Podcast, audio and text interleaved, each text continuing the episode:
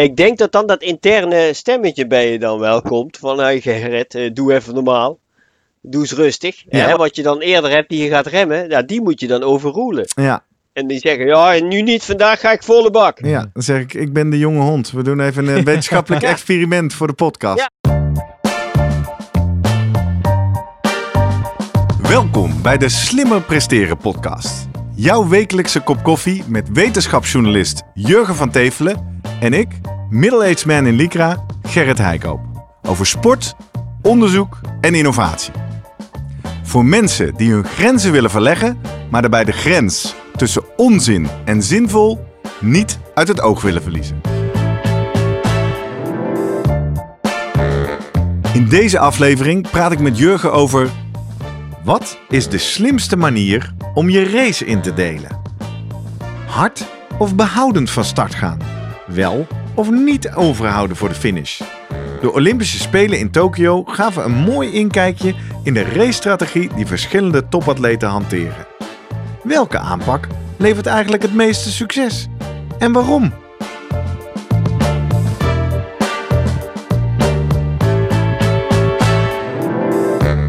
Voordat we beginnen, nog even drie dingen om aan te denken als jij zelf ook slimmer wilt presteren. Nummer 1. Druk nu gelijk even op abonneren, zodat je altijd direct in de gaten hebt wanneer er een nieuwe aflevering online komt. Nummer 2. Weet dat je Jurgen en mij ook kunt boeken voor jouw volgende bijeenkomst als spreker of presentator. Neem gerust eens contact met ons op via de contactgegevens hieronder. En 3. Deze podcast wordt geproduceerd en gesponsord door Live Online Events. Serieus goede content rondom jouw congres of event. Check www.loe.tv voor meer info. Ja, Jurgen, goedemorgen. Goedemorgen, Gerrit. Het is weer vrijdag. Ja, Tijd voor een nieuwe aflevering van de Slimmer Presteren podcast. Waar we het vandaag gaan hebben over een onderwerp wat mij na aan het hart gaat. weet ik. Daarom kies ik het. Ja, pacing. Oftewel eh, op, de, op een slimme manier eh, het tempo tijdens de race bepalen. Gaan we op zoek naar het antwoord op de vraag. Nou ja, we gaan ons eigenlijk vooral laten inspireren nog even terug naar van de zomer naar de Olympische Spelen. Hè? Mhm. Naar de toppers. Daar hebben we wat interessante dingen gezien op de atletiekbaan en op de, de marathon. Dan gaan we kijken, valt daar nog wat van te leren? Ja. En eh, dan gaan we straks ook even met Guido eh, zoomen. Want ja, hij is natuurlijk, weten we inmiddels, sinds eh, eind augustus is hij Succescoach. hè? echt succescoach. Ja. Dus dus even hem vragen, wat geeft hij zijn topatleten nou mee op het gebied van pacing? Ja. En sommige mensen denken misschien, pacing, daar hebben jullie toch alles over gehad? Klopt hè? ja, aflevering. Hoeveel was het? ja, dan moet ik even spieken. Daar heb ik hier wel staan. ging Want- over de, die jonge honden. Ja, eh, nummer 13 was dat al. Ja. In het eerste seizoen. Ja. Wij kregen namelijk onlangs een mail van Bart van Aalst. Vinden we leuk, hè? Post at slimmerpodcast.nl. Hallo Gerrit en Jurgen. Ik luister met veel plezier naar jullie podcast. Nou, dat is altijd een goed begin van een mail. Misschien is het al eens aan de orde geweest. Ja, dus, aflevering 13. Maar een van de beste tips die ik als trainer kan geven aan mijn atleten is het hanteren van de juiste pacingstrategie. Bij wedstrijden, schrijft hij erbij. Ik weet dat er nodige literatuur over staat, dus misschien is het aardig onderwerp om eens uit te diepen. Vriendelijk groet Bart van Aalst. Nou Ja. Bart, onze eerste reactie was inderdaad, ja, luister maar naar aflevering 13. Maar Jurgen, jij ging daar nog eens naar luisteren terwijl je naar de Olympische Spelen aan het kijken was. En toen? Ja, toen dacht ik ook van ja, toen hebben we het redelijk algemeen gehouden. Hè. We hebben wat verteld over de, de negatieve, de negative split of de positive split. En Ja, niet oftewel eh tweede helft Ja. harder lopen dan de eerste Ja, helft. dat is negative. Ehm, en daarbij ook een beetje richting jouw probleem van te hard van stapel. En hoe kan je En dat of dat nou een probleem was of niet. Ja. Eh, wat literatuur over hoe jeugd dit benadert. En eigenlijk dat die allemaal... Oh ja, kan ik me herinneren. Ja. Dat kinderen gaan altijd te zo hard als ze kunnen Die weg. kunnen niet inschatten van als tegen hun wordt gezegd... Nou, nu ga jij eh, vier minuten lopen, hoeveel dat is, zeg maar. Ah ja. Dus dat het ook een kwestie van ontwikkelen is, trainen. En dat je op een gegeven moment dan wel eh, voor jezelf eh, een beetje het juiste tempo kan ehm, eh, gebruiken. Ja. En denk ik toch de algemene stelregel die ik toen geponeerd heb, met name lange inspanningen. Nou ja, zo'n gelijk ja, gelijkmatig tempo is het beste. Hoe vlakker, hoe beter. Ja, alleen als je dan de praktijk kijkt, de Olympische Spelen, dan zie je toch gekke dingen. Of Ja. daar afwijkende dingen. En daar ben ik een beetje, eh, toen was ik verrast, denk ik. Ja, ben ik nou te veel theo theoreet wat dat betreft. Eh, en waarom doen ze het eigenlijk zo? En dan blijkt er toch best wel wat literatuur ook over te bestaan. Ja. En dan, eh, ja, dan is het nog steeds een beetje ja, eh, guessen soms waarom mensen op die manier hun race indelen en benaderen. Maar de toppers doen het op die manier. Daar gaan we zo uh, Op die manier, inzoomen. niet op die vlakke manier, toch? Niet altijd. Dat was eigenlijk de aanleiding. Nee, ja. precies. En, En, waarom als we het dan? over toppers in de laatste Olympische Spelen hebben, Ja. dan kijken we natuurlijk naar Sifan Hassan. Jij Ja. schreef ook een artikel op jouw website jurgenvantevelen.nl. Sifan Hassans uitgekookte racestrategie. Ja, Dat artikel is eigenlijk een beetje de basis voor deze aflevering. klopt. Ehm, ook op de marathon gebeuren er bijzondere dingen. Ja, daar eh, precies. Ik, eh er was een eh, Amerikaanse eh, we- wetenschapper die, die twitterde iets wat ik interessant vond. En waar jij op reageerde. Nou, wat hij twitterde was van... hey, kijk eens naar de racestrategie bij de marathon. Het lijkt wel meer een TTA-benadering. een time to exhaustion. Ja. En waar hij een beetje... Ja, dat was een beetje een Japan... In plaats van, hè, want, Ja. want dat was mijn vraag. eh, wat is dat dan Ja. en hoe eh, is dat anders? Nou, er zit denk ik eh, vanuit de wetenschap is nog steeds de vraag van wat is nou de beste manier om eh, te testen eh naar pacingstrategie of tempo indelen. Hoe doe je dat in het lab eigenlijk? oh ja. Laat je dan... Dus dit is, de- hij is sportwetenschapper Ja. en hij vroeg eigenlijk aan zijn collega's sportwetenschappers: mensen, eh, doen wij wel op de goede Ja. manier onderzoek? En er is ook wel, de kwestie is vaak, je hebt twee, nou ja, simpel gezegd dan twee soorten benaderingen. Time to exhaustion is eigenlijk van, je, je wordt op een fiets gezet vaak. En dan elke eh, twee, drie minuten, dan gaat het vermogen iets omhoog. Ja. En, en op een gegeven moment wordt het natuurlijk loodzwaar. En er wordt gewoon gekeken vanaf het startpunt tot het eind. Hoeveel minuten ja, heb jij de inspanning kunnen volhouden? Mhm. Dat is het eigenlijk.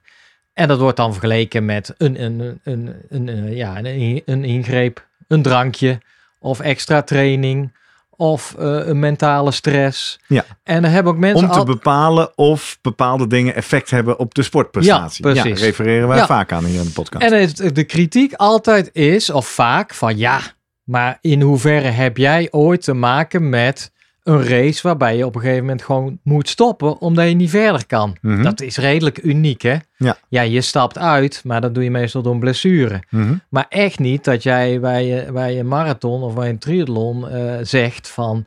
Ja, sorry, je energie is op, punt, ik kap ermee. Ik ga tot hier en niet Ja. verder. Jammer, was 38 kilometer. En- Net niet en- gehaald. En dus dat, eh, daardoor zeggen mensen, ja, je moet eigenlijk de tijdrit of de benadering hebben. Gewoon mensen van tevoren vertellen, Je moet een half uur fietsen. ja, of, of 40 Of, of kilometer. x afstand Ja. en dan kijken hoe hard je dat kan. Precies. En dan moet ze het zelf indelen en dan kun je zien van of zij. En dan komt vaak dat eh, gedrag naar voren van redelijk snelle start, dan een langzamer tussenstuk en dan overhouden op het eind. Ja. Kijk, dat overhouden op het eind hebben we toen ook wel over gehad, die uitzending. Dat is dus het, het, het fascinerende vaak. Hoe, eh, ja, hoe kan het eigenlijk toch van dat je na de finish denk je, jeetje, wat een zware race, maar binnen een halve minuut of een minuut je sta je weer lekker te praten en Ja. dan ben je, kun je Ja. weer eh, terugkijken op, et. Ben jij wel diep genoeg gegaan? Ja, En daar komt dat natuurlijk, dat idee eh, naar voren van, ja, maar het lichaam, ja, die wil gewoon niet dat je jezelf schade berokkent. Eh, dus nee, je- is deels ook mentaal. Hè? Tenminste, we hebben het wel vaker hier gehad. Ik heb altijd een mega eindsprint. Mhm. En ik moet nadenken aan de, de anekdote in Klasina Veen. Vlak voor de zomer ging Ja. ik eh sprinttriathlon doen. Vijf kilometer hardlopen. Eerste kilometer kom hard van de fiets af. En ja, dat is een klassieke u. Hard weg. Ja. Toen dacht ik, oh jee, oh jee, ik moet wel vijf. Terugkomen, herstellen. Beetje voelen dat ik weer de controle heb. Tot zo anderhalf kilometer, kilometer voor de finish. Denk ik, ja, maar nu is het nog maar een kilometer. Ja. Dus wat er ook gebeurt, dit red ik. En dan helemaal die laatste 500 meter. Dan kan ik een partij sprinten. Ja, ik vertelde een paar weken geleden. In Renkum zat het er even niet meer op. Ja, Maar daar kan ik echt, dat is uit een ander vaatje. ja, precies. En dan gaat ook de, de hartslag, schiet uiteindelijk door tot, tot, tot, tot echt max. Ja. Of zelfs hoger dan ik bij de max inspanning haal. ja, Toen zat ik daarna bij Klas in de Veen op die finishstraat nog wat te kijken. En, en dat was teamcompetitie. Dus wij waren in de vierde divisie gestart. Dan komt de derde, komt de tweede. Toen kwamen er van die meiden uit de tweede of de eerste divisie Ja. aan. Van die echte atleten. ja, En ik zat daar en zij stonden achter mij. En ik kon ze natuurlijk afluisteren. Er kwam ook iemand met een fantastische eindsprint aan. Ik herkende dat. Denk zo, ja, finish. Ja. Finish boog in zich, geef je vleugels. En die meiden alleen maar, Nou, als je nog zelf kan sprinten, dan ben je niet hard genoeg gegaan onderweg. Ik heb te veel over. Ja, Ja. dat... eh, Want die staan dan van de school. Je moet zo vlak, hard mogelijk, dat op het einde, Ja. precies bij de finish val je neer, ben je dood. De, ik denk dat de, de, wetenschap, eh, de wetenschappers zeggen toch altijd: ja, het is toch zonde als jij nog over hebt op het eind. En het Ja. feit dat jij dan gaat sprinten. Ja, dan had je beter eerder Ja, wat kunnen en geven. ik weet, eh, ja, die discussie is ook een beetje nog gaande. Ros Tucker, die heeft ooit in een, eh, in een podcast, of in ieder geval heeft hij 4-minute mile ding heeft hij gedaan. Hè? Ja, hem, eh, Ros Tucker is ja. de Zuid-Afrikaanse eh, professor van de Science of Sport Ja. podcast. Want hij heeft ook in het verleden, toen hij als student eh, of promotieonderzoek, is hij eigenlijk begonnen met dit onderzoek. En wat hij simpel gedacht heeft van, en dat is nog steeds de beste gedachte, ja, we gaan gewoon kijken hoe de toppers het doen. Mhm. We kunnen wel allemaal theoretisch bedenken hoe het moet. En dus die heeft vanaf volgens mij het begin waarin een beetje bijgehouden we- werd de doorkomsttijden eh, tijdens atletiekwedstrijden. Heeft hij verschillende onderdelen bekeken. 800, eh, 1500, 5000, 10 kilometer op de baan. En dan gewoon eens gekeken, oké, we gaan naar de winnaars kijken. Bij belangrijke wedstrijd, wereldkampioenschap, Olympische Spelen. En eh, nou, komt daar een patroon uit. En dat is, ehm, ja, daar kwam eigenlijk een patroon uit. Bij 800 meter is het nog een beetje een, eh, een all-out Ja. inspanning. Zoals de we hele tijd kennen. hard. Zoals die kennen van de 100 meter, 200 Ja. meter. Dat is gewoon, ja, zo hard mogelijk beginnen eigenlijk. En dan maar zien naar het schipstrand. Mhm. En dan, maar hij zei, ja, dat, dan, dan zie je dus de tweede helft van de race, dus de tweede ronde, dan, dan gaat het tempo al achteruit, de vermoeidheid slaat toe. Ja. En hij kwam voor die vijf en die 10 kilometer eigenlijk uit op de U-vorm. En hij dat is zei, wat ja, jij net zei, hard weg. ja, best wel hard weg. het midden. Ja, rustig even in. En dan het laatste, als je dan ziet, ah, ik moet nog een kilometer of zo. Dan Nou. gaan we de wedstrijd even opstarten. En daaruit eh, ja, concludeerde hij, ja, dit is dus wat toppers kiezen. Dus ze doen dit niks voor niks, ze winnen erop. Dit is waarschijnlijk toch de meest efficiënte manier dan om op je energie door te, zonder dat je ja, te, te snel eh, kapot gaat en zonder dat jij eh, schade aan je lichaam geeft en zonder dat de rem ja, te hard wordt eh, ingetrapt. Maar dan laat hij een hele belangrijke factor, namelijk omgeving weg. Ja. Want je slaat nu één afstand over. Je springt van de 800 naar de 5000, 10.000. Dus we natuurlijk ook de 1500.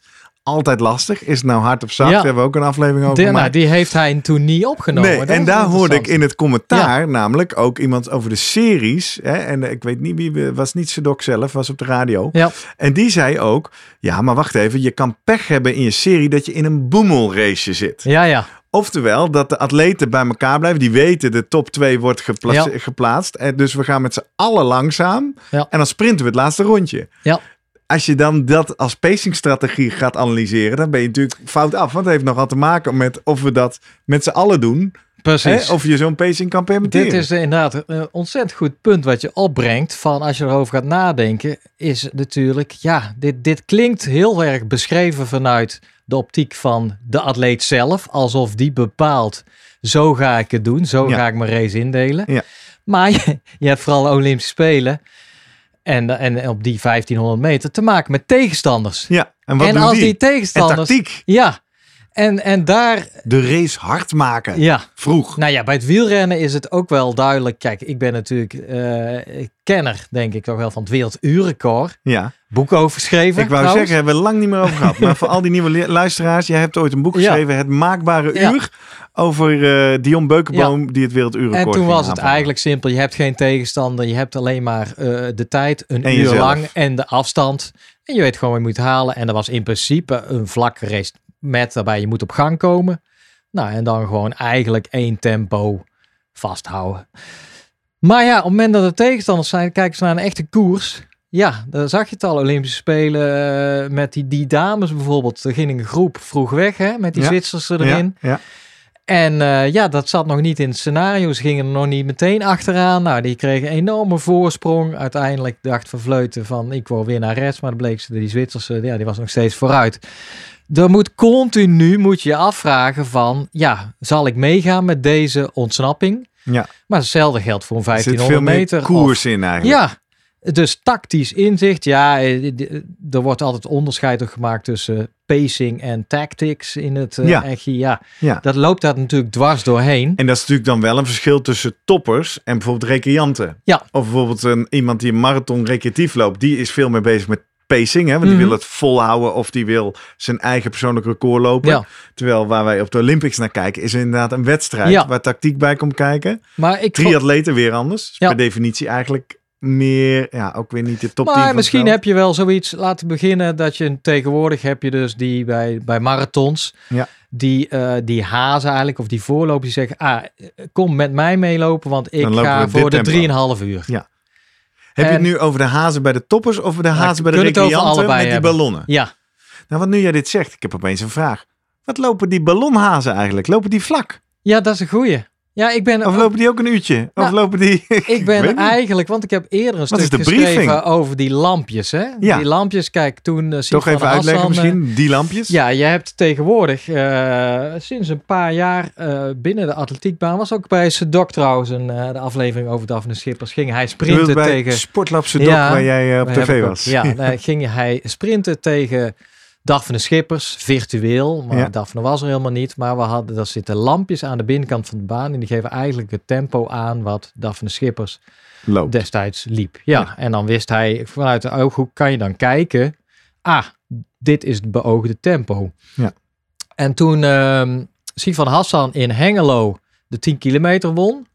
En een paar dagen later deed volgens mij Guidai dat. Ja, je pakt hem af. Ja, toen was het best wel. Toen kwam ze ook in de studio met Jos Hermes. En, en toen zei ze, ja, ik denk wel dat het helpt, die lampjes. En eh, daar heb ik een stuk over geschreven, omdat de vraag is van, ja, en hoe stel je die precies in? Als jij nou gewend bent met een langzame start, alleen je zet hem gewoon op het tempo eigenlijk van, nou ja, vanaf de eerste ronde moet je gewoon de, de 10 kilometer gedeeld door de tijd. En dit Ja, is gewoon de Gewoon snelheid. vlak, ja. Ja. En ik heb het idee dat ze dat laatste gewoon doen. Het is bijna, een- ja, je kan hem be- best wel goed programmeren, dat ding. Maar je zou eigenlijk bijvoorbeeld de race van de voorganger van de wereldrecordhouder moeten hebben. En die precies. En dan kijken, ja, wil je zo Waarom zeg lopen? je zou je moeten hebben? Nou, omdat ik dan denk van misschien, eh, die heeft niet voor niks die, die race-strategie toen gekozen. Ja, ja. We komen denk ik nog wel op terug. Is de vlakke eh, race wel de meest ideale? Ja, laten we terug naar de Ja. aanleiding gaan. Olympische Spelen marathon en een hele ingewikkelde gra- grafiek Ja. op Twitter. Omdat er dus, nou ja, wat er gebeurde. Kijk, de Olympische marathon is al heel anders dan een gewone marathon. Waarbij vaak wordt gezegd van, eh, vooral bij die toppers, oké. dit is de beoogde eindtijd. We zetten hazen daarvoor in. Er hoeven geen lampjes te zijn, maar gewoon de hazen. En dan, eh, dan wordt er, dan wordt er Toch even eigenlijk voor wel de echt recreatieve luisteraars, zijn geen echte hazen. Hè? Het zijn mensen Ja, die op een vast precies. tempo lopen, maar ja, niet de en hele die race stappen dan uit naar Ja, 20 ja, ja, kilometer. ja. Of, eh, Dus die kunnen voor hun doen harder gaan, omdat ze na 20 kilometer al stoppen. En ehm, alleen dan bij de Olympische Spelen is het heel anders. Dan ineens, eh, er zijn geen Dan mag dat niet of zo. Nee, Nee, want je gaat niet naar de Olympische Spelen om iemand te hazen. Nee, en je hebt natuurlijk een paar me- mensen per land die Ja. mogen meedoen. Ja. Dus ineens heb je te maken met eh, ja, de koers, zullen we maar zeggen. Ja. Zoals we die van het wielrennen kennen. Een groep mensen, atleten bij elkaar die, ja, de meesten zullen wel willen wi- denken, in ieder geval top 10 of iets. Of, ja. Ja. hoe gaat dat precies Bij het lopen werk? is toch ook belang om bij de groep te blijven, Ja. toch? Als je alleen komt te zitten, net zoals Klopt. met wielrennen tegenover bij de groep. Het is aerodynamica deels, Ja. wel een beetje, maar ook gewoon het richtpunt, het mentale. Ja. Hebben het denk ik ook wel eens over, over besproken, de, de studies die er zijn. Hè? Als jij eh, in een lab eh, gaat fietsen met een computerscherm voor je, met daarop een fietser die net iets harder gaat, dan ga jij ook iets harder. Dus Ja. het is toch dat richtpunt wat je hebt. Nou ja, en wat je dan zag in Tokio, is eigenlijk die groep begon met z'n allen. Eh, alleen dan zie je ineens op een gegeven moment iemand, nou bijna, eh, zijn tempo zakt enorm. Ja, wegvallen Nou, en dan eigenlijk. komt er een stuk later de volgende. Ja. En dan blijft uiteindelijk gewoon een klein groepje over. En daarop was die opmerking van die wetenschap. Die zei, ja, maar dit is een bijna een race van time to exhaustion, tot uitputting. En Mensen dan gaan gewoon... in één keer stoppen. Ja. Je wou zeggen, als het, als het meer een tijdritachtige effort was, zou je die lijnen in dat gekke grafiekje op Twitter, gaan we terugkijken van begin af aan al minder snel weg zien lopen Ja, eigenlijk. en dan zouden ze van begin af aan al mensen hebben besloten. Ja, ik ga gewoon. Ik, ik, op een ga ander niet, tempo ik ga niet met Kipchoge mee, want dat, Ja. eh, is mij. Ja. Ik ga gewoon eh, voor plek 20. Ja. en ik ga gewoon lager tempo. Dat gebeurt eigenlijk niet. Nee. En die mensen dus die gaan, ja, die overspelen hun hand eigenlijk. Ja. Om toch te zeggen, ja, ik ga mee en ik zie wel wat schipstrand. En dat schip strandt uiteindelijk voor de 42 kilometer. Ja, zeker. En vandaar, nu, Ja. eigenlijk nu begin ik het pas te snappen. Als je deze tweet zoekt, @slimmerpodcast op Twitter. eh, en de, de originele tweet is van T Stellingwerf. Ehm, dus, dus eigenlijk laat het grafiekje zien dat al die atleten gingen voor waar het schip strandt. Bijna niemand haalde die 42 kilometer. En dus zegt hij, wacht even, maar als zo races werken, dan moeten we ook onze sportinterventies, wat het dan ook is, ook zo testen. Dus dan is die kritiek die er altijd was van ja, maar zo'n time to exhaustion test, waarbij mensen ja, het eigenlijk de Tot inspanning... uitputting gaan. ja, ja. dat gebeurt niet. Dat gebeurt dus wel. Ja, en dan maakt dus opeens wel degelijk uit als een bepaalde maatregel, Ja. nou, voeding of dingen is, Ja. jou helpt om net wat dieper te gaan voordat je exhaust. Dat is cruciaal eigenlijk. Ja, ja. Ja. Nu was het wel zo dat Kipchoge, die liep constant, maar op een gegeven moment versnelde hij ook nog een ook, beetje. ja. Dus er was ook nog een negative split, dan loopt hij daar ook doorheen. ja. Nou, toen hadden we een beetje discussie met, eh, met een van onze, met een van onze volgers, eh, die, wat, die terecht ook zei van ja, de winnaar heeft altijd gelijk. Nou, Ja. Kipchoge in dit geval. Ja. Maar jij gaat je afvragen, Abdi Nageye, van ja, op een gegeven moment loste die ook van. En die bleef gewoon zijn eigen tempo. Ja, wat als die langer nog was doorgegaan, zeg maar? Kon die, ja, op een gegeven moment gaat in dat hoofd zitten van Abdi. ja ik Ja, hey, ik sta wel lekker vooraan ergens. Ah, ik kan, ja, wat zal ik? Kan ik hem hier laten gaan, Kipchoge? Nou, dan kan ik nog steeds op het podium. Sterker nog, kan ik nog even mijn vriend uit België mee naar het podium trekken. Ja. In plaats van dat hij eh, echt wat, ik ga voor goud, ik blijf volgen. Ja. Met alle kans van dien dat hij inderdaad instort. Ik bedoel dus, dat, dat, die mentale component speelt hier gewoon ook keihard doorheen. Elke keer moet zo'n iemand zich afvragen, shit, dit tempo, kan ik dit bolwerken tot Ja. het einde van de race? ja, we gaan hard. Hoe we hou ik het vol? Ja. Ga ik afhaken? Moet ik? ah, ja. En hier zie je eigenlijk dat veel van die eh, lopers iets hebben. ik volg, volg, volg. En nou, en dat tot het lichaam echt die, die rem keihard indrukt. En zegt ja, Stop maar. stop maar. Ja, Ja. en dan is het ook volledig blokkeren zo'n beetje. Ja, Want die, ja. die stappen gewoon uit of dat, eh, ja. ja, dus dat was de fundamenteel wetenschappelijk methodologische Precies. vraag. En dan, nou, dan komen we tot de races van Sifan. Ja, want, want die zijn net anders. Ook wel lange afstand, Ja. 15 kilometer en de 1500 Ja. meter. Maar, Nou, wat, dit- wat, wat heb je meegenomen? Ja, dit was het eigenlijk de oorspronkelijke eh, studie van Tucker, waar, waar, wat we net Oh ja, ook Dus eigenlijk van eh, de all-out tot, tot de U-vorm. En die komt ook bij de. Ja. Nou, dan heb ik een, eh, een review gevonden, maar misschien. Ja. We kijken nu voor onze luisteraars naar allerlei grafieken op een scherm. Hè? ja. en die- Pacing profiles and tactical behaviors of elite runners. ja, ze hebben eigenlijk gewoon gekeken. Ze hebben de, de studie van Tucker herhaald. Alleen, want Tucker schreef dat al twintig jaar geleden. Oké. En eh, een beetje uitgebreid met andere disciplines. En ook weer eh, met de gedachtegang, oké, hoe doen die toppers dat? Ja. Nou, en dan blijkt er eigenlijk niet één, één juiste eh pacingstrategie te zijn. Want het hangt ook erg vanaf of het een, een Olympische race is of een, een race waarbij van tevoren wordt ingezet op een wereldrecord. Oh ja. Zoals Sifan Hassan in Hengelo bijvoorbeeld. Ja. Of wat ze laatst, wat niet lukte in Oregon, dan zou ze ook de vijf kilometer. Dan wordt alles eigenlijk in dienst gesteld met, met eh, echte hazen of met lampjes in Ja. combinatie. Ja. Ja, dan benader je dat toch anders. Nou ja, simpel gezegd, tot, nou ja, wat ik al zei, 400 meter, 800 meter is gewoon hard, st- hard starten en eh, nou, all-out inspanning. ja, want we zien hier grafiekjes met op de verticale as de snelheid en op de horizontale as de afstand. precies. Dus eh, die Ja. vorm zegt iets over wat heeft het tempo gedaan onderweg. De 1500 mannen staat hier. Klassiek Is, steeds harder. ja, een- de, de J-curve noemen ze die. Oh ja. Dus toch even snel starten. start, dan terugnemen. Ja, en dan toch langzaam aan in die tweede ronde al versnellen richting Gas, het gas, eind. gas, en dan. Wat ook interessant, en dat zie je ook, eh, dat, zien we zo bij Sifan Hassan, die, hun pieksnelheid ligt toch echt wel iets eerder dan bij de finish. Ja, 200 meter voor de finish Ja. zitten ze op de piek. Ja, Omdat daarna is- komt echt de verzuring erin. Ja. kan niemand meer Ja. verder. eh, Ja. helder. En dan zien we een vrouwen... Nee, een mannen 10.000 en een vrouwenmarathon. Ja, is maar die, de 10 kilometer is eh, wat is, oh, zoveel verschil mannen, vrouwen. Vinden ze nog lastig om daar echt te zeggen dat het verschillend is. Dat is vaker misschien dat de vrouwen meer variatie zit in de deelnemers. Dus dat Oh ja. de zwakkeren wat sneller afhaken. Nee, de 10 kilometer zie je eigenlijk van een vlak iets tot... Eindsprint. Sterke tot- eindsprint. Ja, precies. En dat is typisch 10 kilometer. Eh, geldt ook voor de 5. Nou, en dan zie je bij de marathon eigenlijk een soort, eh, de women's daar zie je. Ja. Een soort ne- negative split langzaam. Hè? Ze beginnen Nou. een behoorlijk tempo. Oh nee, het is nee, juist langzamer, af. Ja. langzamer, langzamer, langzamer tot Klopt. kilometer 35 en dan een soort opleving. Dus een, po- een ja, positieve wordt die gelopen. Ja. Ja. Ja.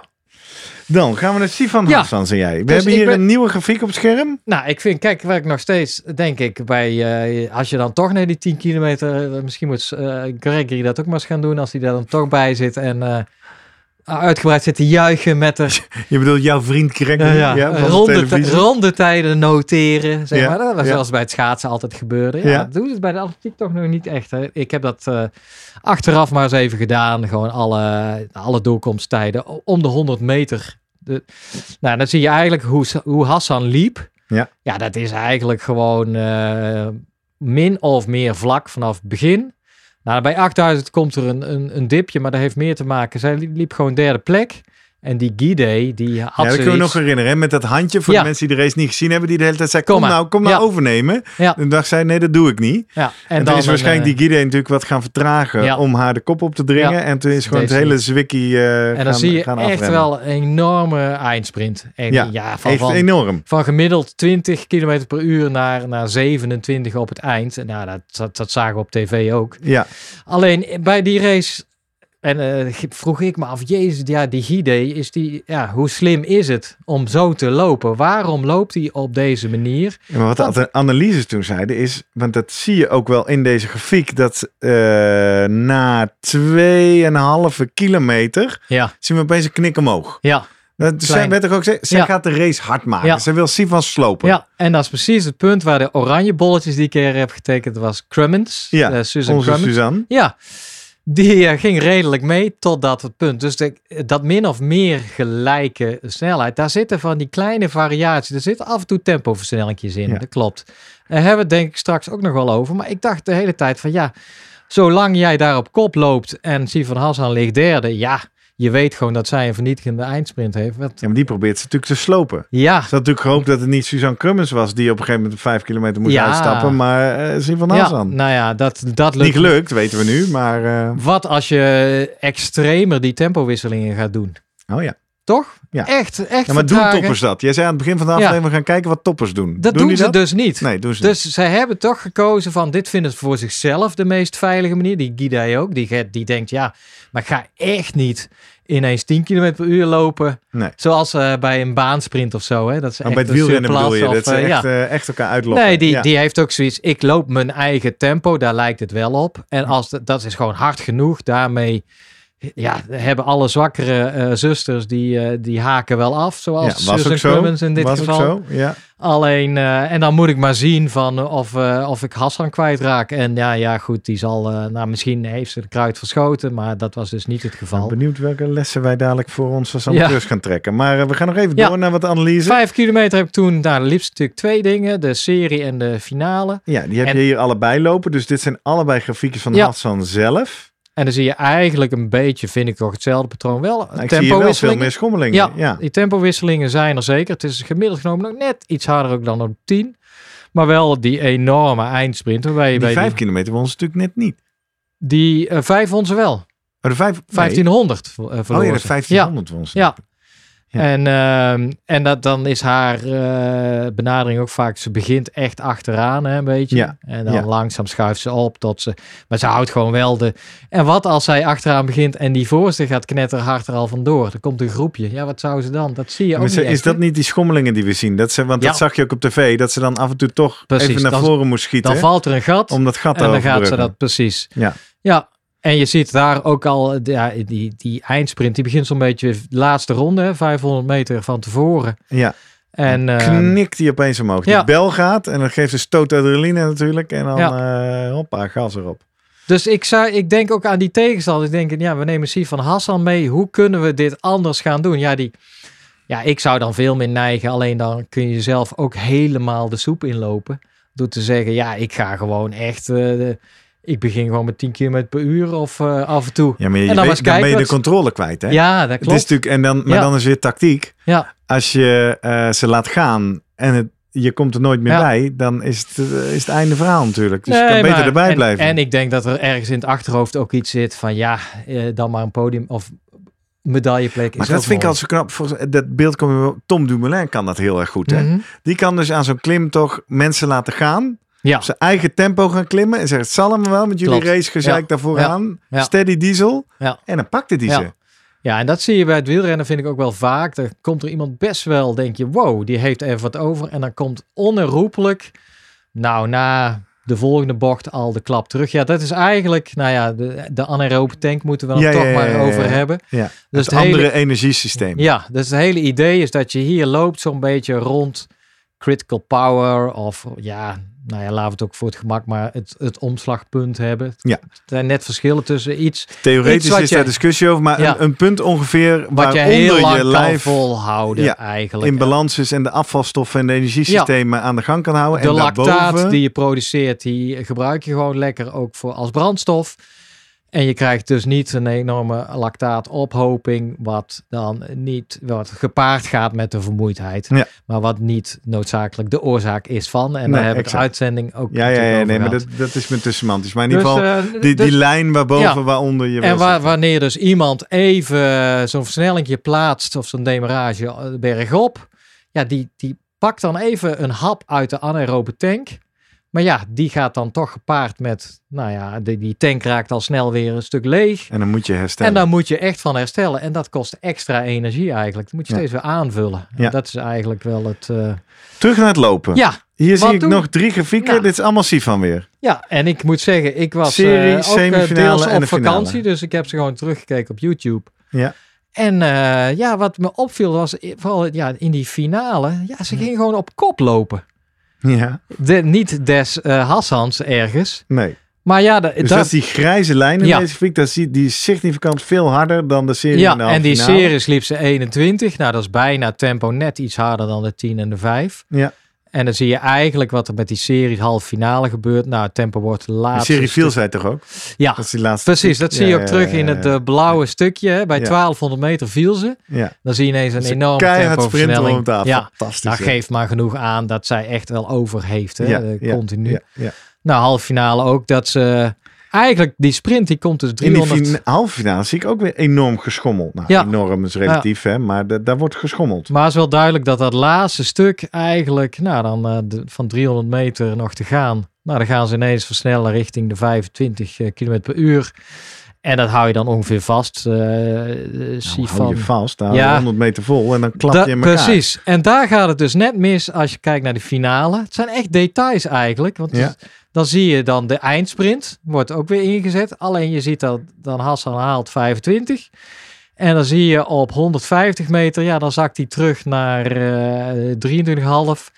En bij het passeren van de finish is ze echt terug naar de 21. Ja, is echt kapot. Als ze daar een, een, gewoon een uh, horizontaal lijntje had kunnen halen, nou dan had ze het gehaald. Ja, maar het, als. het belangrijkste wat ik hier zie is gewoon, die tempo lag echt veel hoger dan in haar serie halve finale en dan in de 10 en de 5 kilometer. En dan is het idee dat je daar continu eigenlijk al, Boven je ja, en dat je dus die, zit. die, die tank aan het leeg uh, halen bent. Ja. Ja. En dat is, uh, ja, achteraf denk ik, waarom heeft ze voor dit gekozen? Ja, ze wist gewoon dat die Keniaanse, kan dan niet op de naam komen, zal iets met kip zijn geweest. Ja, nee, dat ja, een hele goede eindsprint had. Dus denk, ja, die, ik ga. Zij deed eigenlijk wat Guidé probeerde Ja, in de 10 kilometer. En leerde hier dat dat en, uh, niet ging werken. Ja. nee. en, uh, maar ik vind het echt toch, ja, ik vind dat dus best wel fascinerend hoe dat benaderd wordt. En hoe ze nog steeds die eindsprint wel hebben. En ook dat zo'n Sifan dan kiest van die 1500. Dan moet ze ontzettend diep zijn gegaan. Ja. Als je gewoon dat tempo ineens in plaats van, nou ja, die 20, 21 die ze normaal bij, bij de 5 en 10 loopt. Gewoon op de hele wedstrijd 23, 3, ja, ja, dat is toch wel even... Ja. Dus ik, uh, nou ja, dat is een beetje wat je hier wel heel snel ziet, is dat vlakke stuk eigenlijk wat ze lopen, 10 kilometer, en dan eindsprint. Ja. En dat is, dat, is, dat is de discussie die onder wetenschappers gaande is. Die zegt eigenlijk, ja, de U-vorm zien we niet meer zo sterk. Dus dat middengedeelte is er niet meer zo echt. Het is gewoon vanaf Ja, het zie begin je af aan. niet, toch even herhalen, bij de toppers. Ja, Want als ik net vertel hoe ik in Klazineveen Ja, loop, dan, precies. dan Ja. loop ik wel degelijk een uurtje. Ik vlieg de wisselzone uit, want ik heb nog alles van fietsen, snelheid, Klopt. hard weg. Ja, maar Dan denk ik, oh ja, even tempo zoeken. Ja. En dan weer opbouwen. Ja. Nee, dat, dat, dat is dus eigenlijk de ontwikkeling van de, het optimale pacinggedrag. Zie je terug dus nu in topatleten die al een stukje verder zijn dan jij. Ja. Maar eh, dit is wel een, een aanwijzing voor wetenschappers dat ze zeggen, ja, theoretisch is dat ook beter of gewoon gelijkmatig toch die energie uitsmeren. Omdat elke schommeling, ja, die kost extra energie. Eh, en dat, nou, dat zie je dus lang. Nou, ik denk de concurrentie wordt steeds groter. Dus ze merken gewoon, ja, ik moet onderscheid kunnen maken. Ja, als gewoon mijn basistempo dus net onder die, eh, dat omslagpunt of mijn critical power daar, als, de, als dat hoger ligt dan mijn tegenstanders, ja, dan moet ik gewoon van begin af aan strak dat gaan lopen. Ja. En dan gaan alle, eh, al mijn tegenstanders die dit niet hebben in hun lijf. Die dat ja, niet aankunnen, Precies. die vallen al eerder Die af. vallen af. Het kost, ja, het, het is wel pittig. Want je zit, ja, als jij, ik weet niet, je traint ook wel eens tegen dat omslagpunt aan. Dat is dus een Te beetje, weinig, maar ja. een beetje uit hè, tegenwoordig, omdat je ge- gepolariseerd moet trainen. Dan vermijd je eigenlijk dat. Maar je kent het wel tijdens Ja, een triathlon. Ja, Vooral een sprint triathlon. sprint triathlon is eigenlijk continu. Continu tegen dat randje Ja, aan en Ros Stukker die, eh, die denkt nog, die heeft dat laatste eens een keer uitgeleid. Die zei, ja, ik ga ervan uit dat ook dat laatste stuk dat je nog zo'n eindsprint kan hebben, dat degene die dat niet meer eh, nodig heeft, dus eigenlijk dat je die rem loslaat, en dat betekent eigenlijk dat je je basissnelheid nog net iets hoger kan. Eh, en, en ook dat laatste stuk gewoon vlak kan lopen, maar omdat het in het eerste Mhm. stuk al nou, gewoon harder kan Ja, lopen ja, dan de rest. Dat pak een beet over 10, 20 jaar, als je dan die analyses erop loslaat, dat het dan meer richting echt vlak gaat. Dus wat die tweede divisiemeiden in Klazineveen Ja. riepen. Als je nog zo hard kan sprinten, dan ben je niet hard genoeg gaan Ja. onderweg. Dat is waar. Ja, alleen dat volgens is, de sportwetenschappers. en dat is natuurlijk ook wat eh, Hutchinson in zijn boek Endure steeds naar voren brengt, want daar zit gewoon een hele mentale component bij. Er is natuurlijk de rem vanuit de hersenen. Ja. Die krijgen signalen binnen van hey, doe eens even rustig aan, want eh, Ja, nou, wacht even. En eh, ik, ik, ik wil wel vaker zeggen, ik wil wel meer met psychologen praten Ja. hier. Het is vanuit een mens als risicomijdend wezen Ja. natuurlijk ook heel logisch dat je zegt... eh, eh, ja, wat is gezegd, is slecht Nederlands, maar eh, eh, liever fouten maken aan de kant van voorzichtigheid. Ja. Hè? Cause on the side of, eh, nee, Mhm. on the side of caution. Ja. Want als ik nou te hard ga en ik heb het verkeerd ingeschat, dan haal ik het einde niet. Ja.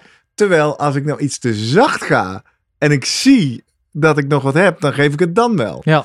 Dus ik ben helemaal mee eens dat je daar wellicht niet diep genoeg gaat. Want je, maar, je, maar, je, maar je weet het natuurlijk niet in het hier en nu. Want Klopt. je, je denkt alleen maar, ja, de risicoafweging, ik kan twee fouten maken. Ik kan te langzaam gaan, te hard. Maar als ik te hard ga, haal ik de finish niet. En er is niks ergers dan dat. Toch? het? Ja, ja, ja. Er zijn weinig eh, mensen waar je zegt, jeetje. Ja, ik moest uitstappen. Ik was gewoon te hard verstappen. Ja, dat, dat, dat doe je als jongen, als kind van acht kan dat gebeuren. Maar nee, maar dat, dat zit daar eh, ingebakken. Alleen men is het er ook wel over eens dat die rem wel heel strak staat Ja, afgesteld. ja, die staat te strak. Ja, hè? En dat het wel heel voorzichtig is. En dat je best En wel eens... er iemand al onderzocht?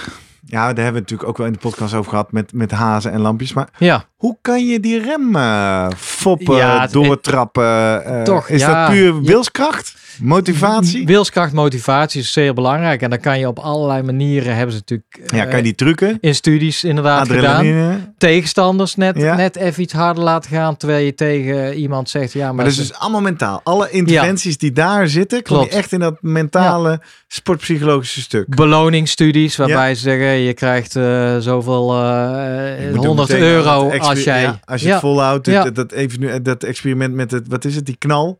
Hè, dat als Ja. mensen willen opgeven, eh, stoot adrenaline erin en eh, dat ze dan toch weer door kunnen. En, en eigenlijk, we hebben het ook gehad met de hersenstimulatie. Die probeert het ook op die manier, dus door, door de motivatie op de een of andere En manier. niet vergeten, koffie hè? Ja. Koffie die de prikkel van vermoeidheid Ja. niet goed doorgeeft Klopt. aan de hersens. Ja. Vind ik toch ook altijd mooi. Dus misschien met allerlei amfetamines, ja, dan, dan gaat een Dan beetje weer in de dopingspecials. eraan. Dus Ja. Het geeft wel aan, daar zit het hem in. Dus, maar we weten nog eigenlijk helemaal niet goed welke hersengebieden zijn dat precies. En, en hoe kun je die manipuleren. Maar als jij die rem gewoon wat losser kan krijgen. Deels is dat denk ik ook Ja, aanleg. ja, De ene eh, mens is misschien wat meer In de grondhouding. ja, ja, ja. dan de andere. En topatleten durven misschien wat meer, de echte toppers. Ja. Eh, en een kwestie toch van leren en doen. Daar geloof ik echt wel in. Wat want- jij nu zegt, daar moet ik ook aan denken. Daar heb ik natuurlijk wel toen in de aflevering over Renkum zat het in het bonusmateriaal. In mijn voorbeschouwing had ik er ook door. Ik denk, als jij bij me in de buurt komt, dan moet ik jou mentaal knakken.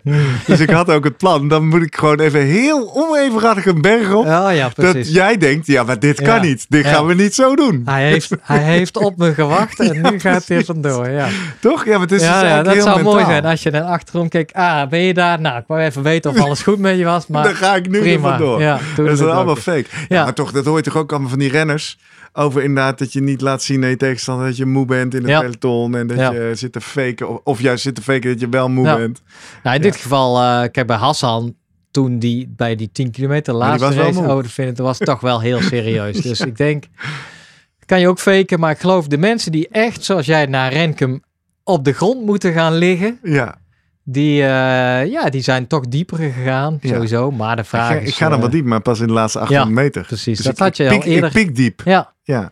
nou, eh, je kan dat in trainingen denk ik ook wel. Kijk, ja, maar dat is tot slot. Hè. We gaan zo even aan Guido vragen of hij daar nog met zijn atleten... Ja. Hij heeft goud gewonnen met Jetse Plat. En met Anne Terpstra, Ja, tweede van de wereld mountainbike. ja. Dus wat, wat geeft hij hen mee?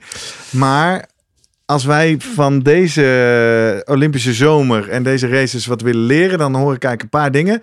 Eén, je rem staat strak afgesteld. Ja. Dus verzin maar alles wat je kan om daar doorheen te duwen. En twee, hoe vlakker, hoe beter. Toch? Toch, ja. Kortom? Maar nee, want daar wil ik nog een aanvulling. En dan heb ik een eh, recent artikel uit Amsterdam gevonden. Ja. Van Jos de Koning. Jos de Koning is de, deels de uitvinder van de klapschaats. Maar iemand die ook heel veel met pacing eh, doet en weet. Die eh moeten we toch maar... Ook bij eh, Sportlab aanwezig was bij die hittekamer. Die, heeft leuk, die doet echt leuk onderzoek, vind ik, wat dat betreft. Dat die, hem viel het, valt het op, zoals jou ook opviel, van die kleine variaties. Als jij, Tempovariaties ja, in de als race. jij gaat Ja. lopen, of eh, toppers gaan lopen en ze zeggen, nou, ik ga gewoon misschien in een training 10 kilometer en ik probeer een strak tempo, zit er altijd wel variatie in. Dan kan, zou je zeggen, ja, nee, je moet meer oefenen om Ik dacht echt dat te krijgen. aan de GPS. Maar Ja. Maar eh, hij zei, ja, dit zit dus gewoon ingebakken in de manier waarop ook goed getrainde atleten eh, hun race indelen en hun tempo bepalen. Dus hij zei, wat zou dat een functie hebben? Wat hij gedaan heeft, hij heeft een groep eh, nou, goed getrainde naar het lab laten komen, dan ehm, op de fiets gezet en dan gekeken naar die variaties. En toen gedacht, oké, dan, eh, dan gaan we eigenlijk eh, twee dingen doen. Wij ehm, gaan het gemiddelde gewoon bepalen en dan laten we, ja, eigenlijk stellen we de fiets zo in dat zij niet meer die variaties hebben, maar continu een gemiddeld ver- vermogen moeten trappen. Mhm. Of we geven die variaties mee en die vergroten we een beetje extra uit. Dus niet extreem dat je van hard zacht, maar gewoon ex bewust wat toedienen. Mhm. Nou, op die manier kan je gecontroleerd kijken wat doen die microvariaties ten opzichte van een echt totaal vlak schema. Mhm. En dan nou, ging je kijken eigenlijk naar hartslag, ademhaling, lactaat, noem maar op. En daar verschilde tussen die twee helemaal niks. Maar als je de RPE ging vragen, dus de, de Hoe, rate of hoe zwaar vond je ja, het? Ja. dan vonden ze dat met die, het vlakke schema net even. Het scheelt allemaal niet veel. Het was eh, volgens mij op de schaal van, van 0 tot 10 kwamen ze dan gemiddeld uit op, op 6. En de ene was misschien 5,7 en de andere was 6,2. Mhm. Maar het was significant. Dus zij vonden dat vervelender of zwaarder als het tempo helemaal vlak was, dan dat er nou, wat kleine variaties in zaten. zaten. Dus misschien, ja, Dus er is een psychologisch Ja, effect als ik met van mijn jij... boerenverstand eh, daarnaar luister en dat dan projecteer op mijn eigen hoge inspanning, dan herken ik dat meteen. Want mijn hartslag of mijn diepgaan Mhm. is ook niet strak als een snaar. Ja, Dus ik ben het de hele tijd natuurlijk zelf ook aan het kalibreren. ja. Of het terrein verandert. Nou, dat zou je op een atletiekbaan niet hebben. Maar hè, dat je de hele tijd zoekt. Oeh, nu, eh, dit is even zwaar. Even, Ja, even klopt. een halve minuut Ja. even wat adem pakken. Oh, Ja. nu kan ik wel weer. Even erbij. Dat, dat, dit voelt eigenlijk heel natuurlijk. ja, dus dit is gewoon in het lab. Maar dan heb je gewoon inderdaad continu die, die afweging. Is dit tempo, hou ik dit nog, nou ja, tot het einde vol? ja. Of Nou, kan ik ik kan me nog nog een stukje tweede harder? voorstellen. In die testsetting is natuurlijk op het moment dat je af en toe even hap lucht kan pakken, af en toe wat dieper gaat, voelt alsof je meer controle hebt dan als iets continu doortrekt, precies. of je Ja. nou wil of niet. Ja, ja. waarschijnlijk zit dat, eh, die, die twee dingen spelen er doorheen. ja. En dus ja, controle is belangrijk en een beetje inderdaad eh, nou, bewust. Ja, het is wel heel fijn als je nog een versnelling af en toe een tussenversnelling Ja, kan plaatsen. ja, ja, ja. En dat is eh, ja, waarschijnlijk eh, wat, wat er gaande is. Dus ik denk dat het vlakke, moeten we niet zeggen dat het totaalvlak beter is. Nee. Dat zal mentaal, tenzij, ja, nou ja, goed. Nou, we, we Maar zullen het zien. We, zien dus eigenlijk houden. ook, dat is toch even in, eh, concreto ten opzichte van die vorige aflevering, die, die negative split. Ja, Wat iedereen zo fantastisch vindt. Dat is een soort, soort heilige Ja. raad. Dat is natuurlijk de ultieme controle. Ja. Maar dat is dan eigenlijk ook... nee, ja, het Wat is fijn. Het is vinden? heel fijn voor jezelf. Dat je denkt, race al goed opgebouwd, niet te hard begonnen. Ja, maar als jij na het einde Ja. van je race steeds Nee. harder kan, dan ben je toch gewoon niet hard genoeg gestart. Ja, tenzij je natuurlijk zegt, oké, eh, ik, ik, ik doe het omdat ik fijn vind om met een hele groep te lopen. Ja, Met ook wat de mindere broeders ertussen. ja, ja. En dat je die op een gegeven moment Ja. achter je laat. En dat je dan denkt, nou, hé, dan zijn we mooi met z'n allen. Kipchoge model. Ja, ja Nou, ja, jongens, ergens ik ga. Die, precies, Toedeledokie, toedeledokie. Mooi, leuk. Ja. Interessant. Ik zit toch nog even te knagen, maar ik denk ik moet nog even maar naar Guido luisteren of die nog eh, zijn atleet iets meegeeft. En verder is gewoon eh, het is harder dan je hebben kan. Zeker. We gaan zoomen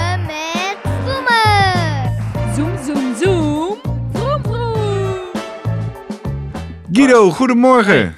Guido. Hey, goedemorgen. Goedemorgen, fijn dat je er eh, weer bent deze ochtend. We hebben het eh, met elkaar over eh pacingstrategieën, oftewel indelen van het tempo over de tijd. Mede naar aanleiding van een aantal dingen die Jurgen is opgevallen bij de Olympische Spelen in Tokio, bij de marathon, bij de races van Sivan Hassan. En dan dachten we toch maar even met onze winnende topcoach bellen om te kijken wat zijn laatste inzichten zijn over hoe hij zijn winnaars en winnaressen op pad stuurt. Paar weken terug eh, waren we met jou aan het bellen over Anne Terpstra, die tweede werd op het WK. Jetse Plat pakte goud. Heb jij nog eh, nieuwe inzichten over eh, waar je hun mee op pad stuurt aan de hand van pacing? Hard starten, rustig starten, versnellen, negative split. Wat is jouw favoriete indeling? Ja, dat ligt natuurlijk helemaal aan ehm, welke race ze gaan rijden. Bij Jets hebben we natuurlijk wat verschillende races. We hebben de, tijdrit en de wegwedstrijd. Ehm, en die tijdrit, eh, die, die, dat kan ook nog wel eens verschillend zijn. In Tokio eh, is de tijdrit heuveltje op, heuveltje af, heuveltje op, heuveltje af. Terwijl andere tijdritten, zoals het, het WK bijvoorbeeld Oostende, dat is gewoon één lange rechte weg, vlak en dan aan het eind omdraaien en weer terug. Daar is weinig pacing aan, want daar, daar stuur ik hem eigenlijk met een ehm, bepaald doelvermogen en dat moet je blijven duwen.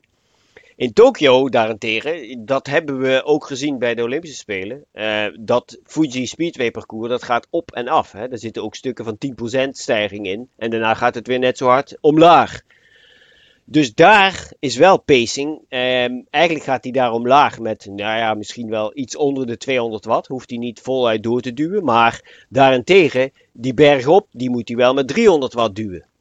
Dus daar zit een duidelijk verschil in. Van bergop gaat hij met 300 watt en bergaf gaat hij met minder dan 200 watt. Aha, en dat betekent dat hij met die 300 watt, dan snoept hij wel even uit die anaerobe tank dus. Ja, ja, maar niet zoveel dat het zeg maar leeg gaat. Weet je, dan in die af, het zijn hele korte eh, beklimmingen. Ik denk dat het, eh, nou ja, twee minuten max ongeveer zijn ze eh, in lengte, tijdlengte.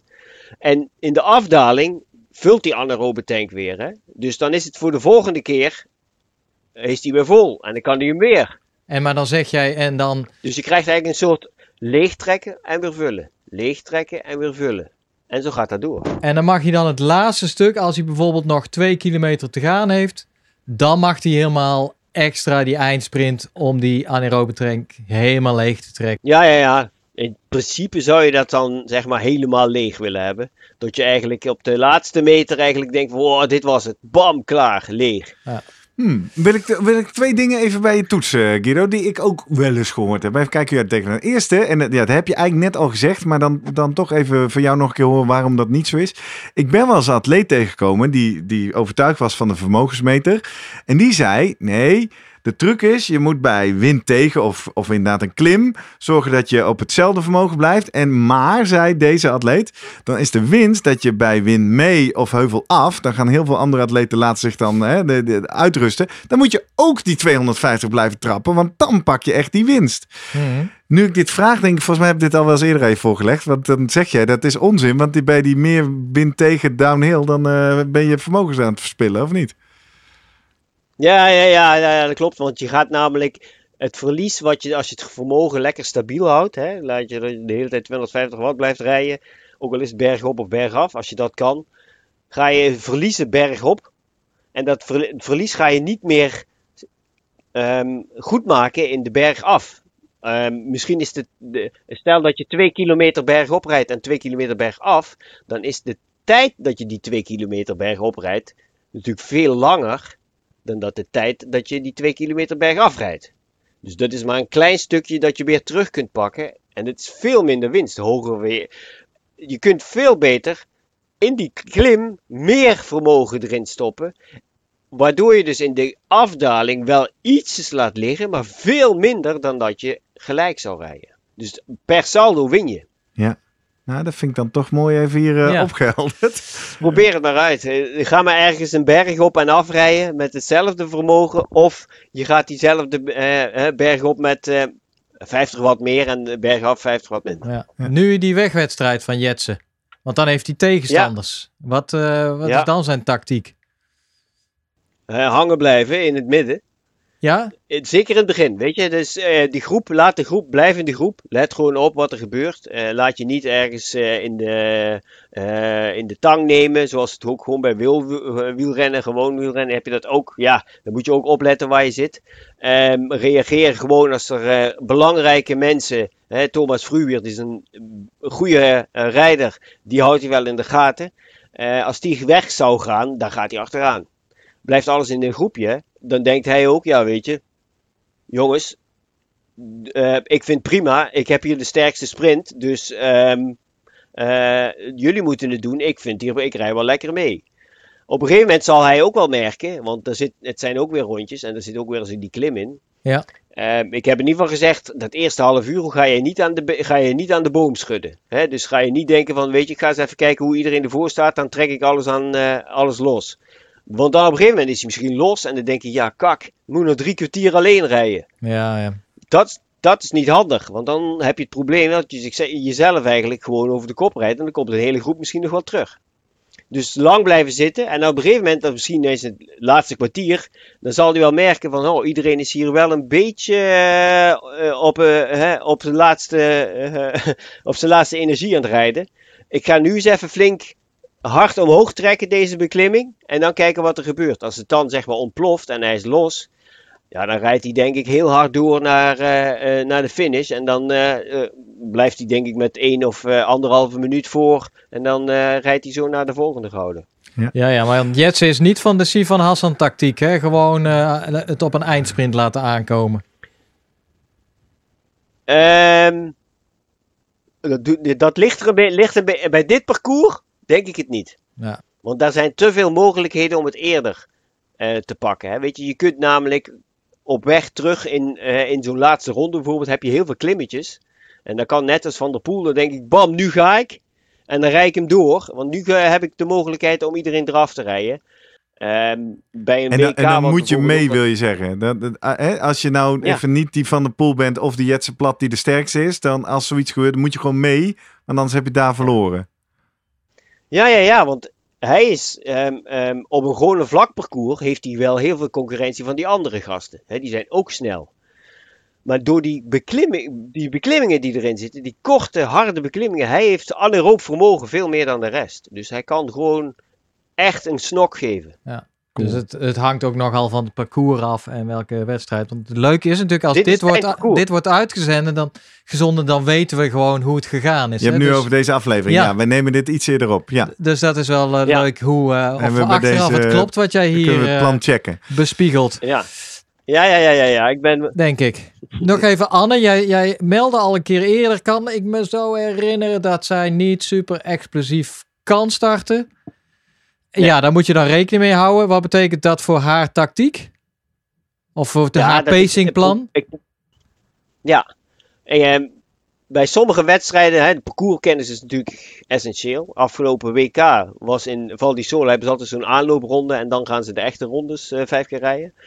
Daar zat een hele steile klim nadat ze door de finish zeg maar komen en weer de volgende ronde in. En dat, daar, dat is eigenlijk net, sommige klimmen zijn dan weer net iets te steil voor haar, waar andere dus harder omhoog rijden. En dat zijn van die stukken, daar, ja, daar moet ze dan proberen goed in de, in de wedstrijd te zitten. Soms kun je ook proberen ehm, voorop te zitten, zodat anderen maar nou ja, in ieder geval om je heen moeten. En dan eh, kijken maar of ze, dat, of, de, of ze dat lukt. En anders moet je niet te veel, eh, veel afstand verliezen op degene die daar voorop liggen. Wat je dan ziet is wel dat ze steeds op de, op de, op de, op de moeilijkere stukken technisch en waar ze goed kan klimmen, op een langdurig tempo, daar pakt ze het dan wel weer terug. Want haar, haar ehm, kracht zit nu zeg maar niet zozeer in het anaerobe vermogen gebied, maar dat zit meer op het VO2 max gebied. Dat zit eigenlijk ietsjes, ietsjes boven de drempel, maar niet veel erboven. Wat kort en, en, en vaak gedaan kan worden. Maar VO2 max, daar zit ze heel hoog en dat kan ze bijvoorbeeld, dat zijn nou ja, stukken van 2, 3, 4, 5 minuten. En niet van 30 seconden of 60 seconden. Maar dat, Dat is dan eigenlijk precies. We hadden het in deze aflevering over het verschil tussen pacing en tactiek. En wat je hieruit beschrijft voor Anne Terpstra is dus dat die, die moet dus een tactische keuze maken om de pacingstrategie vol te houden. Die moet namelijk dan in het begin even de bubs laten gaan. Om te zorgen dat ze daarna op haar harde, consistente tempo terug kan komen. Lijkt me wel heel moeilijk. Ja, dat kan. Ja, dat is ook heel lastig. Eigenlijk wil ze dat helemaal niet. Want zij vindt, eh, weet je, ze, kan, ze is ook niet heel slecht daarin, maar anderen zijn er beter in. Dat is eigenlijk het probleem. Eh, Anderen zijn daar gewoon beter in. Die hebben net iets meer explosiviteit, dus die trekken altijd iets harder door. Maar dat, ja, dat heeft Ja, ze dat- moeten leren, denk ik. kort- Dat, dat ze dat Ja, moet heeft ja, leren. In het begin zal ze mee zijn gegaan met anderen. En gedacht, ja, ik, eh, ik Dat wil was- het niet lossen. Of, Ja. ja. ja. Maar als je kijkt naar Anne, en, en je zou teruggaan vijf jaar terug, eh, voordat ze bij mij begon een beetje, dan deed ze altijd gewoon, bam, ik moet mee, ik moet mee. En dan was het vaak dat ze zich opblies. En we hebben daar natuurlijk veel aan ook ge- gewerkt. En het is ondertussen veel beter geworden. Alles is beter geworden. Maar nog niet. Ja, eigenlijk wil ik nog steeds wel in zo'n winter met krachttraining. Dat je nog iets explosiever bent. Om dat nog ietsje sterker te maken. Zodat eigenlijk dat ook een wapen wordt. ja. Mooi. En dan hangt het dus van elk parcours eigenlijk af van tevoren goed kijken. En dan inschatten al, ah, daar ga je wat verliezen, maar daar kan je weer winnen. Ja, In die zin is ja. het natuurlijk veel complexer dan gewoon eh, een atletiekwedstrijd op een baan. Een Want een baan is altijd Ja, ja. gewoon, eh, ja, Ja, er is, is altijd diezelfde baan. Gaat altijd hetzelfde rondje. En bij mountainbike, en dan hebben we ook nog bij mountainbiken dat het weer, hè. Weet je, bij atletiek kan het wel regenen, maar dan wordt niet ineens de hele baan glad. Of je moet andere banden, dat, dat geneuzel allemaal. Want dat is ook wel, je ziet, Anne is gewoon niet zo goed in slecht weer. Met modderparcoursen, ze hebben ze gewoon meer moeite. Ze is niet zo'n veldrijdster. Hey, dan wil ik nog één eh, belangrijke tussenconclusie van onze aflevering bij je toetsen, Guido. Ik ben heel benieuwd wat jij zegt. Wij kwamen langzaam op de stelling uit. Als je nog puff hebt voor een eindsprint, ben je niet hard genoeg gegaan. Eens of oneens? Oneens. Oh, hmm. Wa- waarom? Nou, die eindsprint, dat is eigenlijk, weet je, dat is, dat is je, eh, dan hebben we het wel over een eindsprint van 5 seconden. Ja, ja, Nee. precies. De laatste poef. Maar ik vertelde bijvoorbeeld, ik kan vaak, eh, eh, als ik die finishboog ruik, als ik dat bordje laatste kilometer eh, zie, da- dan valt er iets van me af en dan kan ik toch nog een blikje opentrekken. Ja. waarvan ik ook zelf al denk, hmm, Dus een eindsprint van een kilometer, hè? Hebben we het over. Geen 500 vijf- meter Ja, dat is geen vijf seconden. Nee, Nee. nee, nee, nee, precies. Ja, maar dan nee. heb je dus nog best wel veel over. Ja. Ja. Weet je, dan zit er nog best wel veel in. En dan heb, heb je waarschijnlijk ja, wel een beetje daarvoor toch een beetje reserve gehouden. Ja. Dat je dacht van... "Mm, ik weet niet Helemaal mee eens. nog goed door moet pushen. En de vraag is, meneer eh, de topcoach, hoe kunnen we dat blikje nou beter uitsmeren? Hoe kunnen we die grens nou eerder optrekken? Ja, dat is durven in zo'n wedstrijd. Ook denken, ja, weet je, ik wil niet door die reserve nog aanhouden. Ik ga nu proberen toch iets harder door te pushen met het risico dat ik toch iets te veel opblaas en eh, ehm, mezelf eh, helemaal de, de, de das om doe. Ehm, maar anders kom je er niet achter. Nee. Ja. Moet je dat misschien een keer ervaren, zit ik nu te denken. Kijk, want het overkomt je, zeg ik in zijn algemeen, dat mij in ieder geval, eigenlijk nooit toch, dat je de finish niet haalt. Heb je het wel eens gehad, dat je, dat je echt opgeblazen Nee. bent? Nee. Nee, dus wij zijn een beetje scheiters gewoon, denk ik. Dus Wij die moeten- grens, die kennen we natuurlijk is- helemaal niet. Het is, het is wel een beetje de angst, zeg maar, om helemaal kapot te gaan. Ja, Hè, je, ik, ik- de meesten hebben, ja, ik heb dat zelf ook wel, een beetje zo'n interne rem. Die denk je, ja, gast, eh, ik hoef niet te kotsen. Eh, die ga maar even zelf wat rustiger, want dat is ook goed. Hè, dan kom je ook wel. Dan denk, terwijl anderen, die zie je, denk maar die kunnen zo diep gaan. Dan denk ik, nou, die zijn, eh, die, die gaat over drie minuten, gaat die helemaal kapot. En terwijl ze dan tien minuten later nog steeds op hetzelfde niveau doorgaan Ja. en kotsend over de finish. Ja. ja. Daar, daar zit zo'n interne rem op. Die, en, en die anderen hebben dat niet. Die kunnen echt gewoon doorgaan. En die moet je soms ook wel wat meer beschermen tegen zichzelf. Want als ze dat te vaak doen, ja, dan breek je op een gegeven moment ook meer af dan, dan je lief is. Maar in, in, een, in een bepaalde wedstrijd gaan die wel tot het gaatje. En die atleten heb jij ook, die ken jij ook. Die heb je onder je hoede. Ja, ja, ja, ja. Dat, weet je, die, als je in de, in de top er, daar presteert, dan kun je dit. Dan ben je niet iemand die al eerder aan de rem trekt en denkt, hoe ik vind dit ook wel goed. Dus die hebben die rem eh, gewoon niet, ofwel heel, eh, helemaal niet strak staan zoals eh, als wij. Ja. Dus dat, is, dat is nee, deels, deels aangeboren en deels misschien een beetje getraind door af en toe eens op te zoeken van hoe diep kan ik gaan tijdens de race, Ja. zeg maar. En dan, ja. Ja, ja, ja, ja, ja. Weet je, het is een beetje ook eh, aftasten van, nou ja, hoe ver kan ik gaan? En dat heb je ook wel eens met trainingen, hè. Van die trainingen dat je eh, 60 seconden, 30 seconden echt volle bak en dat tien keer achter elkaar moet. Dat je na drie keer denkt, god, ik kan echt, ik word al misselijk ervan. En dan toch doorgaan. Is, het, is het dan, ik dat zit nu een dingen. beetje hard op na te denken hoor, maar is het dan de moeite waard om wat vaker, eh, hoe, hoe noemde je het nou, push to exhaustion, om, om helemaal die uitputting op te zoeken? Een exhaustion test of zo, ja. Ja, ja, ja, je mag best, weet je, ik heb best wel eens trainingen erin staan bij mensen. eh, dat zullen veel mensen ook wel herkennen. Eh, ehm, dat, dat ik denk, nou ja, ik weet niet of ze dit gaan halen. Hè? Of ze dan tien herhalingen van dit soort dingen gaan halen. Maar oké, het zal er niet ver vanaf liggen. En als het acht zijn, ben ik, vind ik het ook prima. En dan staat er vaak in de commentaren dan ook van, ja, ik moest er wel even een emmertje bij zetten. Ja. Ja, ja, ja, ja, maar dan weet ik wel, weet je, dan heb je het wel eruit gehaald wat erin zit. Ehm, en of je er dan 10 hebt gehaald of maar 8, dan is het gewoon op dat moment heb je dus gewoon het beste eruit gehaald wat erin zat. En dat mag best af en toe een keer. Hè? Je, je hoeft niet altijd te zeggen, ah, weet je, je moet niet, nooit tot de max gaan. Ja, Om dus Nee. die grens Precies. ook te leren kennen waar Ja. die dan ligt. En eh, onderweg te denken, ik ben er nog lang niet. Dus Kan er ja. een tandje dieper. Ja, ja, ja. Weet je, als je niet weet hoe ver je kunt gaan, dan zul je ook altijd, ja, dan denk je, ja, ehm, zit ik, kan ik nog wel door of kan ik niet door? Hè? Kan het nog een stapje bij of kan ik niet nog een stapje erbij zetten? Dus de volgende Dus keer moet- bij een triathlon eh, stap jij uit, wel met opgeven hoofd. Zeg je, jongens, Ja, ik... eh, anderhalve kilometer voor de finish. ja, eh, het is, het is gewoon leeg, maar ik heb wel eh, alles Ja. gegeven. alles gegeven, zeker. Nou ja, weet je, als je, als je in die triathlon en je moest hè, vijf kilometer lopen en je gaat, naar, hè, je gaat meteen volle st- aan, de, aan de slag, eh, vol tempo. En ehm, na drie kilometer, ja, is het denk ik, is het helemaal op. Meestal is het als je dan één minuut gewandeld hebt, dan gaat het wel weer. Dan weer, ja, En dan ben je misschien per saldo nog wel Ja. sneller dan als Ja. je rustig aangestart was. eh.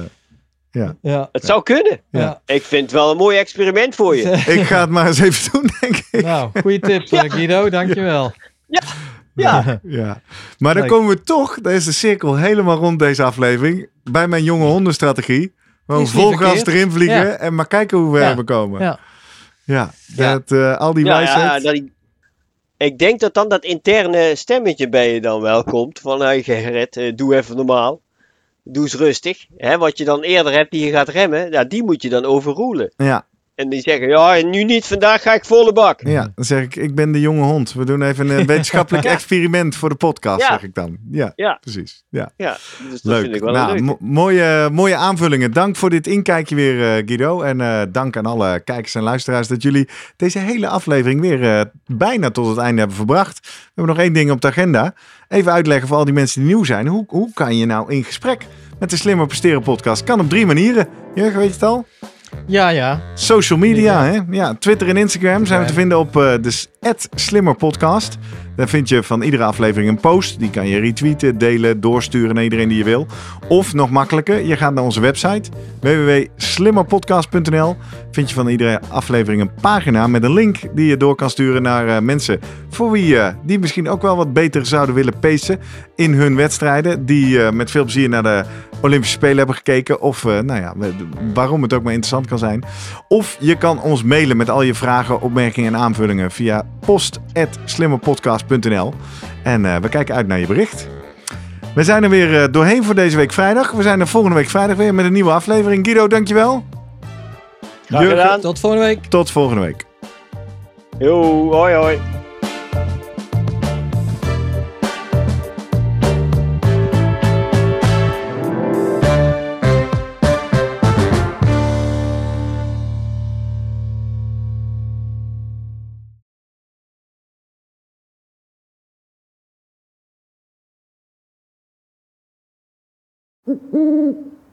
Hey, pst. Voordat je weggaat, denk er nog even aan uilentorenloop.nl. Dan zien we je de eerste zaterdag van juni. Tot dan!